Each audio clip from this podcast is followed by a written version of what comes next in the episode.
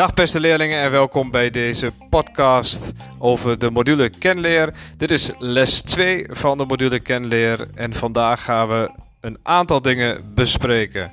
Als eerste, jullie hebben als het goed is drie artikelen gelezen.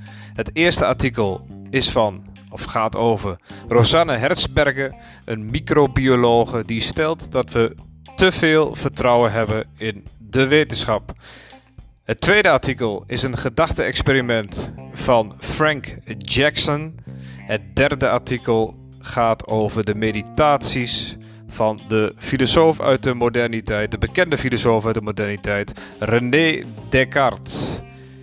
Als laatste zal ik, naar aanleiding van het laatste artikel, nog iets meer gaan vertellen over die filosofie van René Descartes, zodat jullie ook opdracht A, eh, die in Wikiwijs staat, goed kunnen maken.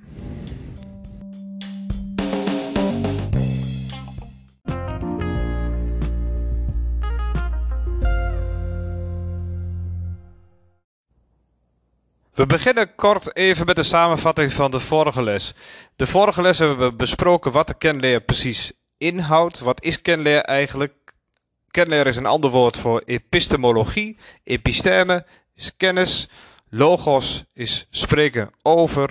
Dus wat doen we binnen de discipline, de filosofische discipline kenleer? We spreken over kennis. Wat kennis precies is, wat betrouwbare kennis is, hoe we tot kennis komen met onze twee kenvermogens, onze zintuigen en het verstand. Dus hoe wij eigenlijk als irrationeel klein wezen, menselijk beperkt wezen, tot wetenschappelijke waarheid komen. Dat is wat we binnen de kende onderzoeken.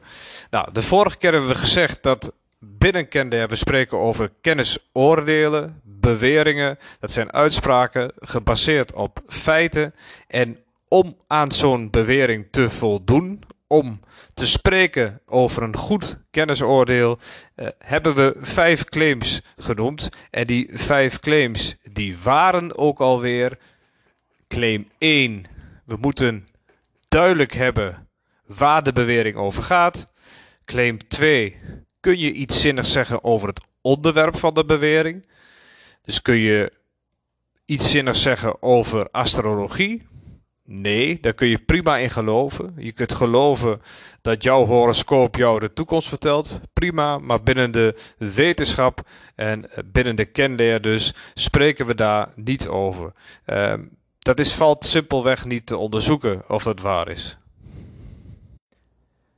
En over waarheid gesproken, de derde claim is natuurlijk dat een kennisoordeel ook waar moet zijn. We spreken hier natuurlijk over wetenschappelijke waarheid en niet over de waarheid. De waarheid kunnen we niet kennen, heb ik in de vorige les ook verteld. We hebben alleen onze kenvermogens, ons verstand en onze zintuigen. En we hebben geen andere manier om achter de waarheid te komen. Met andere woorden, er is geen onafhankelijke waarnemer, tenzij je in God gelooft, die kan bepalen wat de waarheid nou precies is. We hebben het hier over wetenschappelijke waarheid.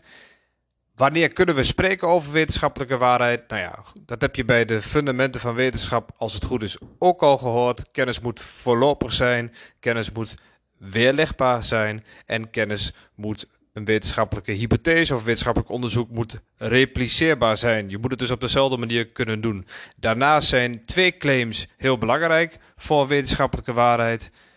Dat is meteen claim 4, dat is zekerheid. Dat betekent dat je goede bronnen moet hebben om jouw wetenschappelijke waarheid, jouw hypothese te onderbouwen. Claim 5 is dan rechtvaardiging. Wanneer je een wetenschappelijke theorie hebt, zoals de evolutietheorie of de relativiteitstheorie, dan is jouw wetenschappelijke waarheid sterk gefundeerd. In ieder geval tot die theorie ook weer weerlegd gaat worden. Dat zijn de vijf claims die we vorige les hebben besproken.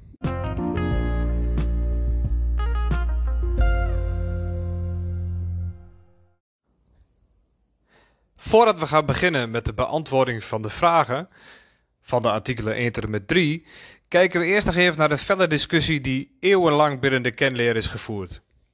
Discussie, zul je denken, hoezo discussie? Kennis is toch simpelweg een samenspel tussen verstand en zintuigen? Nou, het heeft even geduurd voordat men tot die conclusie kwam. Er waren namelijk twee titelkandidaten die om de kampioensgordel van de waarheid streden. In de ene hoek de rationalisten, met Plato als hun kampioen, en in de andere hoek de empiristen, met Aristoteles, de leerling van Plato, als hun kampioen. De rationalisten vonden dat het verstand de basis vormde voor ware kennis. De eerste rationalisten geloofden zelfs nog in zoiets als aangeboren ideeën. Dat wil zeggen, ergens in het verstand bevindt zich een plek waar onveranderlijke kennis ligt. Die plek noemen de eerste filosofen ook wel de ziel. Plato noemt hem als eerste zo. Het is dan ook niet gek dat een filosoof als Descartes in de 16e eeuw ziel, verstand, geest en bewustzijn op één lijn stelt. Rationalisten zijn gefocust op het zijn in plaats van de schijn. Zekerheid, daar zijn ze naar op zoek. Met het verstand bedachte theorieën die de weerbarstige werkelijkheid vastlegt en voorspelbaar maakt. Zintuigelijke kennis, alles wat je waarneemt, was onbetrouwbaar. Simpelweg omdat het veranderlijke kennis is die afhankelijk is van een waarnemer. En we hebben op deze aardbol 7, bijna 7 miljard verschillende waarnemers. We kennen allemaal het voorbeeld van de stok in het water die gebogen lijkt, maar eigenlijk recht is. Of de sigaar op de muur die we eerst niet zien en als we hem hebben gezien niet meer niet kunnen zien. Als je begrijpt wat ik bedoel. Het zal je dan ook niet verbazen dat de meeste rationalistische filosofen wiskundigen en later ook natuurkundigen waren. Zo ook Plato, die een onderscheid maakt tussen doxa, dat is wat hij noemt een mening, een vooroordeel of overtuiging op basis van een waarneming. Het andere begrip dat hij gebruikt is episteme, zekere kennis die door een theorie bevestigd wordt. Neem bijvoorbeeld het voorbeeld van een tafel. De waargenomen tafel die we allemaal zien, misschien in dit lokaal, noemen we doxa. We zien in principe allemaal dezelfde tafel, maar we hebben allemaal ons eigen beeld van de tafel. Voor de een is de tafel groot, voor de ander klein. Voor de een is de tafel mooi en voor de ander is die weer lelijk.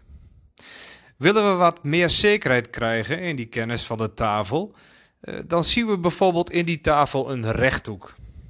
Deze kennis is al minder afhankelijk van de waarnemer.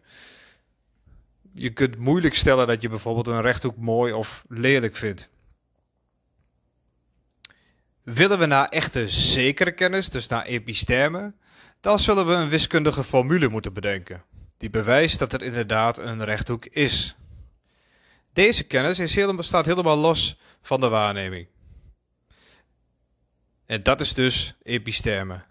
Het denken van de rationalisten was dus een streven naar abstractie, een streven weg van deze concrete, waarneembare werkelijkheid. Het was een streven naar perfectie. Een streven om in de chaotische en weerbarstige natuur een zekere orde aan te brengen. Een wantrouwige Duitse denker zou het in de 19e eeuw een vlucht noemen.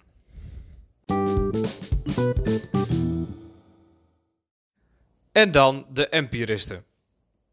De empiristen vonden dat de zintuigelijke waarneming de basis vormde voor betrouwbare kennis. Zij vonden dat abstracte denken van die rationalisten maar een beetje losgezongen van de werkelijkheid. Het begon allemaal volgens de empiristen met waarneming en ervaring. Daar lag de zekerheid. De mens was volgens John Locke een tabula rasa, een onbeschreven blad. Als ongeboren kind in de baarmoeder doe je je eerste indrukken op en alle latere indrukken die je opdoet vormen jou als mens. En dat betekent trouwens tevens, zou David Hume laten zeggen, dat je menselijke identiteit nooit vast ligt. Op je derde jaar openen zich de ogen van je bewustzijn. Maar dan ben je eigenlijk al gevormd door je omgeving. En uiteraard je biologische genen. Aristoteles keek eens naar die abstracte ideeënwereld van zijn leermeester. En vroeg zich af hoe we dan in godsnaam konden bepalen wat nou het oeridee van alles was. Wanneer weten we bijvoorbeeld dat we het idee, het idee, rechtvaardigheid te pakken hebben? En niet slechts met een afspiegeling van het idee rechtvaardigheid. Hoe bepalen we dat? Door steeds verder door te denken? Nee, dacht Aristoteles. Plato is mij dierbaar, maar de waarheid is mij dierbaarder. De enige zekere kennis vinden we via de zintuigen. De kou van sneeuw, de hitte van vuur, de kleuren die we zien bij een zonsopgang, de pijn die we ervaren bij het verliezen van het dierbare. Over al deze dingen kunnen we nadenken. Maar de zintuigelijke indruk in al deze ervaringen blijft het sterkst en het zekerst. Het verstand is niet alleen het huis van de wiskundige theorie, zullen de empiristen zeggen, maar ook van de vervagende herinnering en de tot de hemel reikende fantasie, waar tal van mythes en religies mee bedacht zijn. Hoe kun je dat zekerheid noemen, zou de empirist zeggen. De volgende les zullen we zien dat de empirist David Hume korte metten maakt met de fantaserende kracht van die rationalisten. Tot slot van dit beknopte overzicht tussen empirisme en rationalisme nog een vraag aan jullie, die wellicht iets zal zeggen over de rationalistische of empiristische denkwijze van jullie. Komt-ie. Wanneer een boom omvalt in een bos en niemand is erbij, maakt de boom dan geluid? Dus nog een keer. Wanneer een boom omvalt in een bos en niemand is erbij, maakt de boom dan geluid.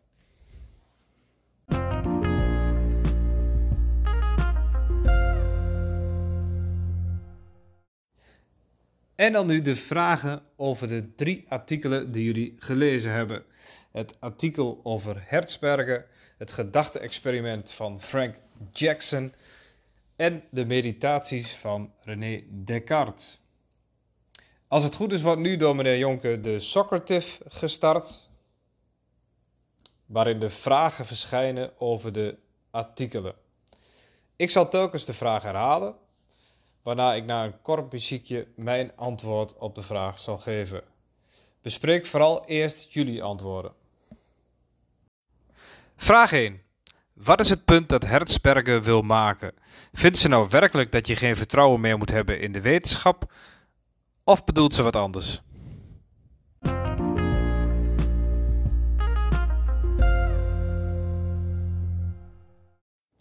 Wat is het punt dat Hertzberger wil maken? Volgens Hertzberger gaan onze wetenschappelijke standpunten vaak niet over waar, maar over goed. En dat betekent dat we door middel van onderzoek vooral ons eigen gelijk willen bewijzen. Onderzoek wordt gebruikt om een verhaaltje te ondersteunen dat je zelf graag vertelt. Terwijl wetenschap zich moet beperken tot de feiten. Geen cherrypicking van feiten om een mooi verhaaltje een evidence-based laagje vernis te geven.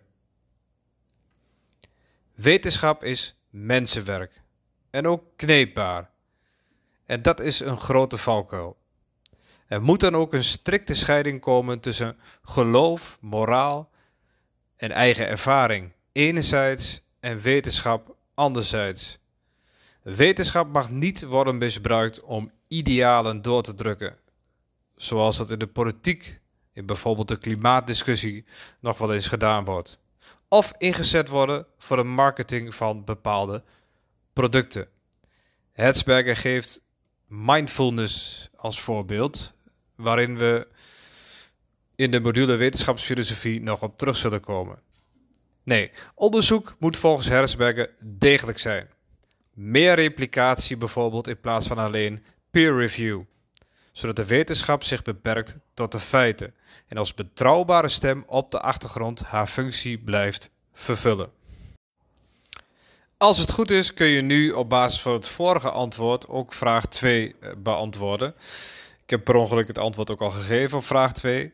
De vraag is, wat denk je dat Hetzberger bedoelt met onze standpunten gaan vaak niet over waar, maar over goed? Dat antwoord is eigenlijk al gegeven en zal ik dus ook niet nog een keer gaan geven, maar je mag het nu in je eigen woorden nog eens samenvatten.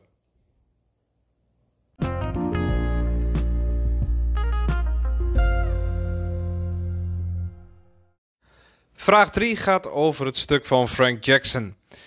Waarom zijn qualia, dat zijn gewaarwordingen, volgens Jackson een argument tegen het fysicalisme? En ben je het eens met Jackson?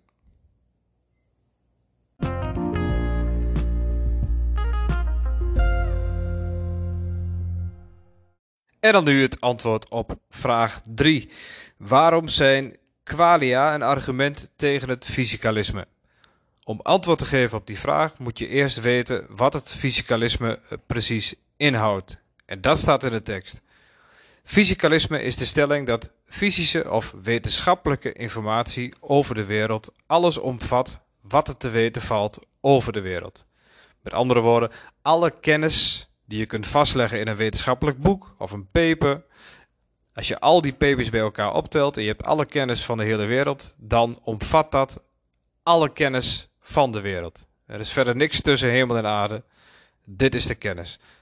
Jackson bestrijdt, bestrijdt dat, want hij zegt: qualia, ervaringen, gewaarwordingen, de pijn van een psychische of fysieke ervaring is niet vast te leggen.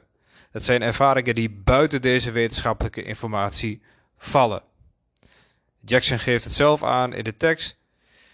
Niets van wat je over een fysische soort kunt zeggen omvat de geur van een roos. En daarom is het fysicalisme onjuist. Einde argument. In het geval van Mary betekent dat dat het zien van een kleur dus iets toevoegt aan alle kennis die ze heeft over de kleuren. En dan de laatste vraag, vraag 4. Die gaat natuurlijk over de meditaties van René Descartes. Beschrijf in het kort het twijfelexperiment van Descartes. En waarom is de twijfel en het denken dus en het bewustzijn zelf de enige zekerheid in dit leven?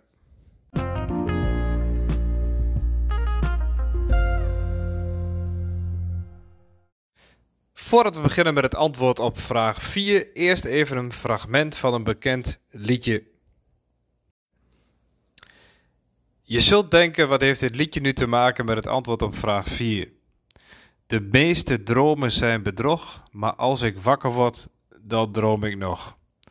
Dat klinkt gek. En dat vond Descartes ergens in de winter tussen 1618 en 1648 ook, toen hij begon met zijn twijfelexperiment. Descartes was niet gek. Hij wist dat de realiteit verschilde van de droomtoestand. Maar stelde hij zichzelf de vraag: hoe meet je dat verschil? Hoe weet je zeker dat deze wereld bijvoorbeeld geen droomtoestand is? In je droom heb je ook pijn. In je droom val je soms ook van een hoog gebouw en schrik je wakker. In je droom heb je ook angsten. Je bent in je droom misschien wel eens verliefd geweest. En dan word je ook wakker met een verliefd gevoel. In The Matrix, mooie film, is de wereld overgenomen door robots die ons gebruiken als batterij. We liggen in een soort kokon en er wordt stroom afgetapt. Om ons rustig te houden, worden we in een gezamenlijke droomtoestand gehouden. Wij denken dat deze droomtoestand echt is, terwijl we in werkelijkheid in een kokon liggen. De film is uiteraard fictie, maar hoe weten we zeker dat we nu niet in een kokon liggen? Dat kunnen we niet zeker weten. Maar wat we wel zeker weten, is dat we erover kunnen twijfelen. Die twijfel, of we wel of niet werkelijk wakker zijn, is het enige anker dat we hebben. Twijfel is hetzelfde als denken. En we kunnen aan alles twijfelen, maar niet aan de twijfel zelf. Cogito ergo sum. Ik denk, dus ik ben. Twijfel is denken. En denken doe je met je verstand. En daarom is volgens Descartes het verstand de basis voor betrouwbare kennis.